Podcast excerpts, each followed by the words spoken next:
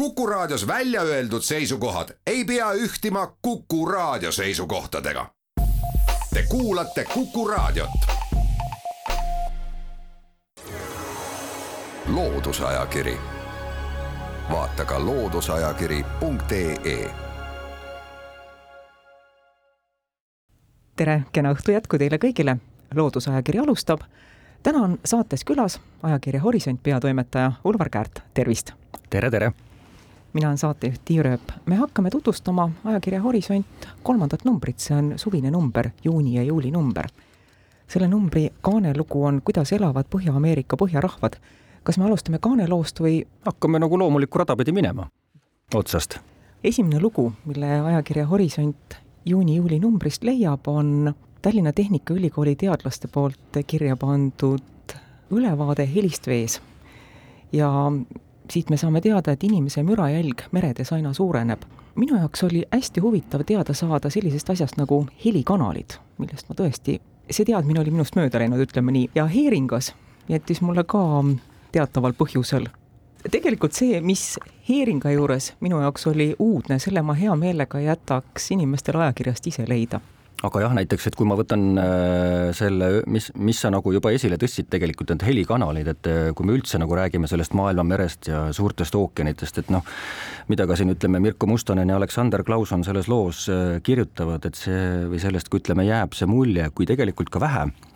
me teame tegelikult, et see on omaette avastuste maa tegelikult kõik see, mis meil see maailmameri on. Ja üks asi tegelikult ongi ka see,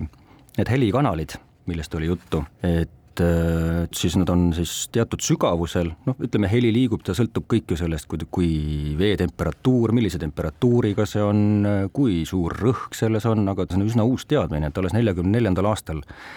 leiti nagu sellele kinnitus, et selleks teatud sügavusel on siis niinimetatud SOFAR-i helikanal, ehk siis kui tehti selline suur plahvatusega katse see oli siis India ookeanis äh, Antarktika lähedal, et ta jäigi ilusti siis ütleme siis äh, Aafrika ja Austraalia mandri ja, ja siis ütleme Antarktika vahele. Et korraldati siis teatud Heerdi saare juures äh, plahvatus selles helikanalis ja siis, mis tuli välja, et tegelikult see heli, me mõtleme küll, et vees justkui ju see ei liigu või meie jaoks on vesi justkui veealune maailm on nagu tumm, aga tegelikult, mis tuli välja, et ka selles, ütleme, selles helikanalis siis liikus meeletult kaugelt, kuuldi seda plahvatust, et seda kuuldi nii Austraalia tagant, ütleme siis ka Põhja-Ameerika läänerannikul, samas kuuldi ka seda Põhja-Ameerika idaranniku lähedal Indias ütleme, et igale poole sisuliselt, et ongi leitud tegelikult siin viimaste uuringutega, et sellises helikanalis vee all, siis ütleme, see heli võib vabalt kuskil kaheksateist tuhande kilomeetri kauguselt võib kuulda, on see siis lõhkelaengut või, või muud signaali, et imetabane meri, jah. veega on seotud ka järgmine artikkel, millel peatuda tahaks. Eerik Puura ärgitab meid mõtisklema, kuidas põhjavee koostis meie tervist mõjutab siin on üsna mitu asja, mille üle järele mõelda ja mind pani küll rõõmsalt muigama see, et selline väga tuntud bränd nagu Evian, selle vesi on keemiliselt koostiselt üsna sama, mis Tartu kraanivesi just tegelikult see oli, see oli tõesti tõeline pärl oli, et Evian on ju tegelikult üks väga noobel veemark selline poes, aga tulebki välja, siis ütleme ka siin muud näited, mis ta toob, et noh, suvi on meil tegelikult see leitsaku aeg on selline mineraalvee ja jäätise söömise ja ka mineraalvee joomise kõrghooaeg, aga et suurtes poodides me käime, siis on ju see sisuliselt on need äh, pudeliveeriiulid, et need on nagu kanjonis ja võtab silme eest kirjuks, et mis siis on hea või mis siis ei ole hea või, aga tegelikult nagu ka sellest loost tuleb tihti välja, et siis ega see reklaam on see et sellise kaubandusliku või turundustrikiga tundubki, et näiteks Eviani vesi hinna poolest tundub, et see peab küll kole hea olema, aga näed, tuleb välja, et Tartu kraanivees ma pakun, et tegelikult Tallinnas või, või kus mujal Eestis, et me saame sedasama väärilist vett tegelikult nagu Eerik Puuraga tegelikult toob, et siin ka ta puudutab, ütleme, et milline, kui kange nii-öelda mineraalide või soolasisaldusega mineraalvesi see tervisele ka hea on või et üldlevinud on see teadmine, et ka mineraalvesi, et see on ikka väga kasulik tervisele ja hea. alati ei pruugi üldsegi nii olla ja nagu ta tegelikult lõpus toob ka sellise eluterve talupojatarkuse, et täpselt nii nagu toiduga, et kõike võib süüa, et siis sama tegelikult kehtib ka mineraalvee kohta, kõike võib juua, aga mõõdukalt, et seda ei maksa nüüd öö, liitrite kaupa endale mineraal, näiteks mõnda niisugust sulfaadirikast mineraalvett ei maksa nagu väga sellepärast lihtsalt juua, et see justkui peaks kasulik olema, et kõike mõõdukalt. Lehitseme ajakirja Horisont. Suvist juuni-juuli numbrit edasi, leiame siit intervjuu. selle pealkiri on Kuidas toita väikese keskkonnajalajäljega üheksat miljardit suud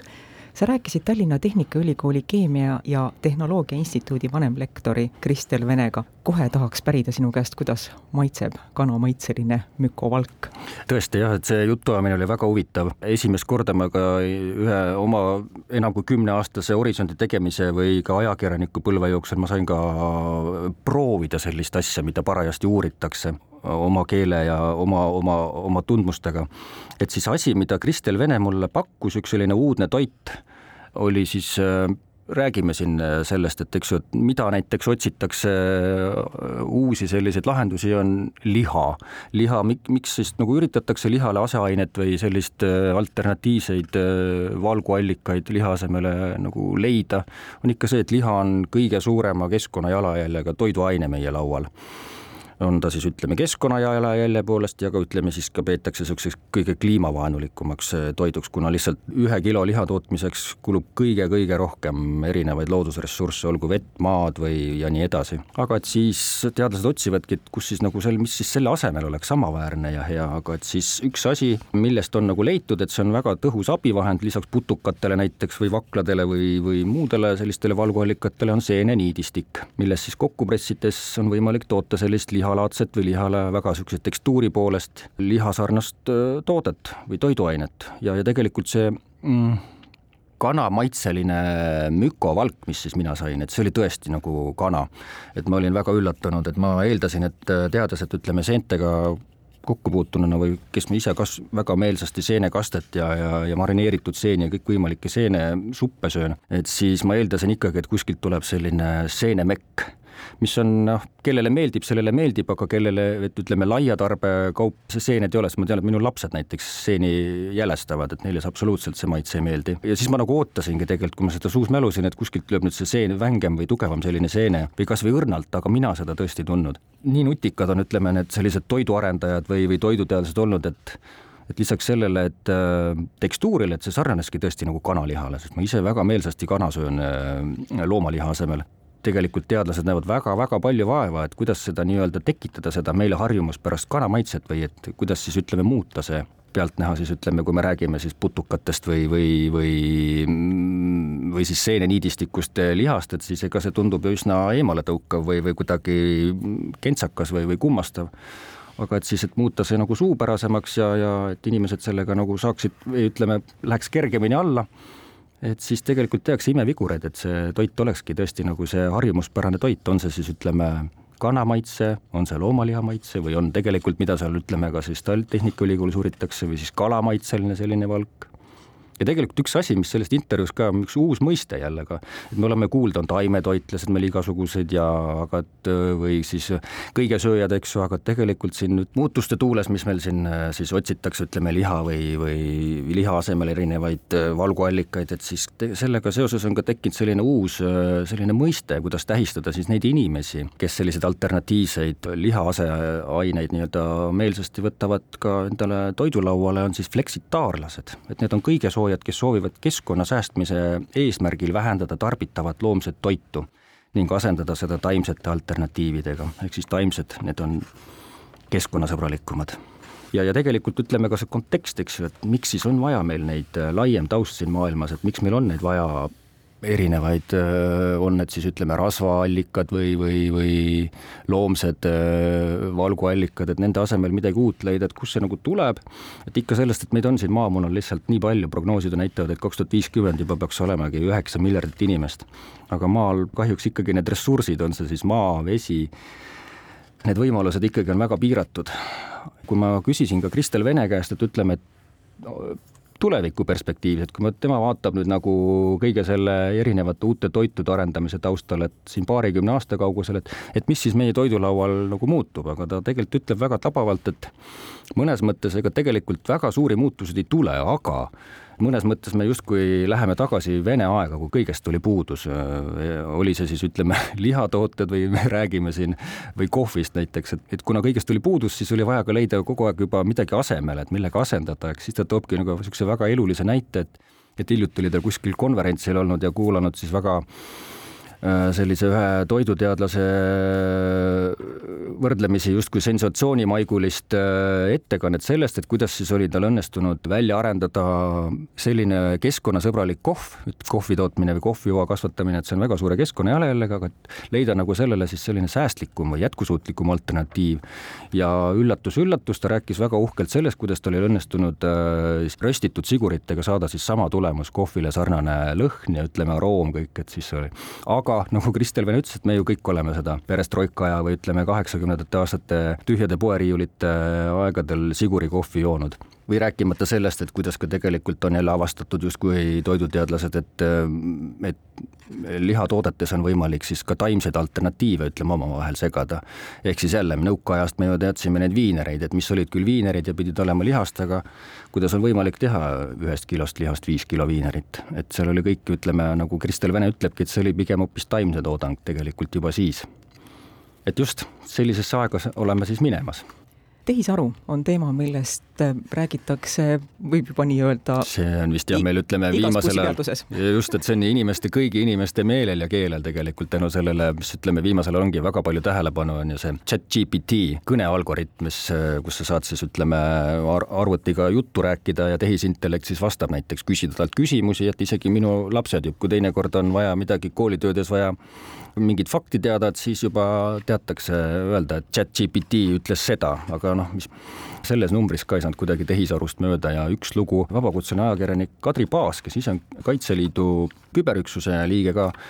ta võtab siis ütleme seda tehisaru tahku, avab siis ütleme, kuidas seda kasutatakse Vene-Ukraina sõjas ja ütleme neid tagamaid avab, et kui me siin toome ka selliseid näiteid jälle, et ähm, kõik need ütleme relvasüsteemid äh, on siin ütleme need erinevad näotuvastustarkvarad, kuidas siis kas enda langenuid või, või libainformatsiooni tuvastada või ütleme, see on tõesti tegelikult väga-väga mõtlemapanev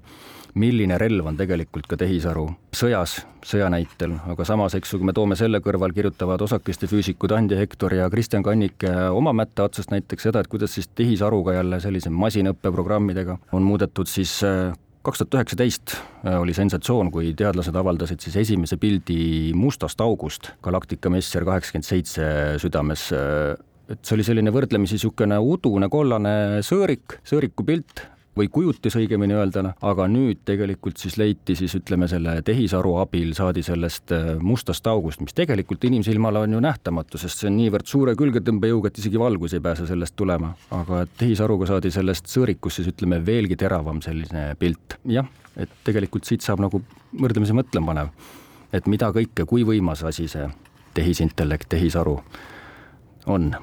me libiseme nüüd õige mitmest väärtartiklist üle ja mainime ära ka nii palju, kui saateaeg lubab, ajakirja Kaane loo. Andrus Mölder kirjutab põhjarahvastest ja loo pealkiri, seda võib võtta ka kui küsimust, kuidas elavad Põhja-Ameerika põhjarahvad. ja kui nüüd pannagi sinna küsimärk järgi ja vastata sellele küsimusele, siis artiklit läbi lugedes võin küll öelda, et endiselt halvasti kahjuks küll jah, et tegelikult siin ju ta toob, ütleme selle kaugema ajaloo ja kõik, ütleme need koledused, mida koloniaal on, et siis Kanadas või Gröönimaal või, või Aleutides on need Vene või USA võimud, mida kõike tegelikult nende, nende rahvastega on tehtud, et see on õudne. nagu tegelikult Andres Mölder siin välja toob, et et siiski ütleme riiklikul ja poliitilisel tasandil, eks ju, justkui nad on täisväärtuslikud kõik ühiskonnaliikmed, aga tegelikult ikkagi nagu kui inimene inimesega üksikisiku tasandil, nad on ikkagi, suhtutakse sellise üleolekuga ja kui teise sordi inimestesse siiamaani veel. kuigi nagu siin tuleb välja, et on neid siin erinevates kohtades, kus need asualadel, põlistraditsiooni asualadel kuskil sada viiskümmend viis tuhat äh, sellist äh, inuitti veel, kes nagu peavad ennast inuittideks, et siis ikkagi nende kultuur ja, ja, ja elu, et ütleme, see kõik on võrdlemisi museaalseks muutunud ja see on nagu välja suremas tegelikult, et see kaasaegne elu ja kõik, et see on jah, nende,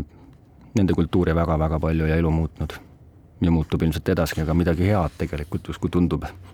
ei ole nagu neid ootamas kahjuks. aitäh, ajakirja Horisont peatoimetaja Ulvar Käärt. pindmise ülevaate ajakirja Horisont juuni-juuli numbri sisust me vast andsime süvenemisel leiab aga värskest horisondist veel paljutki huvitavat. saatejuht Tiiu Rööp tänab kõiki, kes meid kuulasid, ilusat õhtu jätku, jälle kuulmiseni! Loodusajakiri. vaata ka looduseajakiri.ee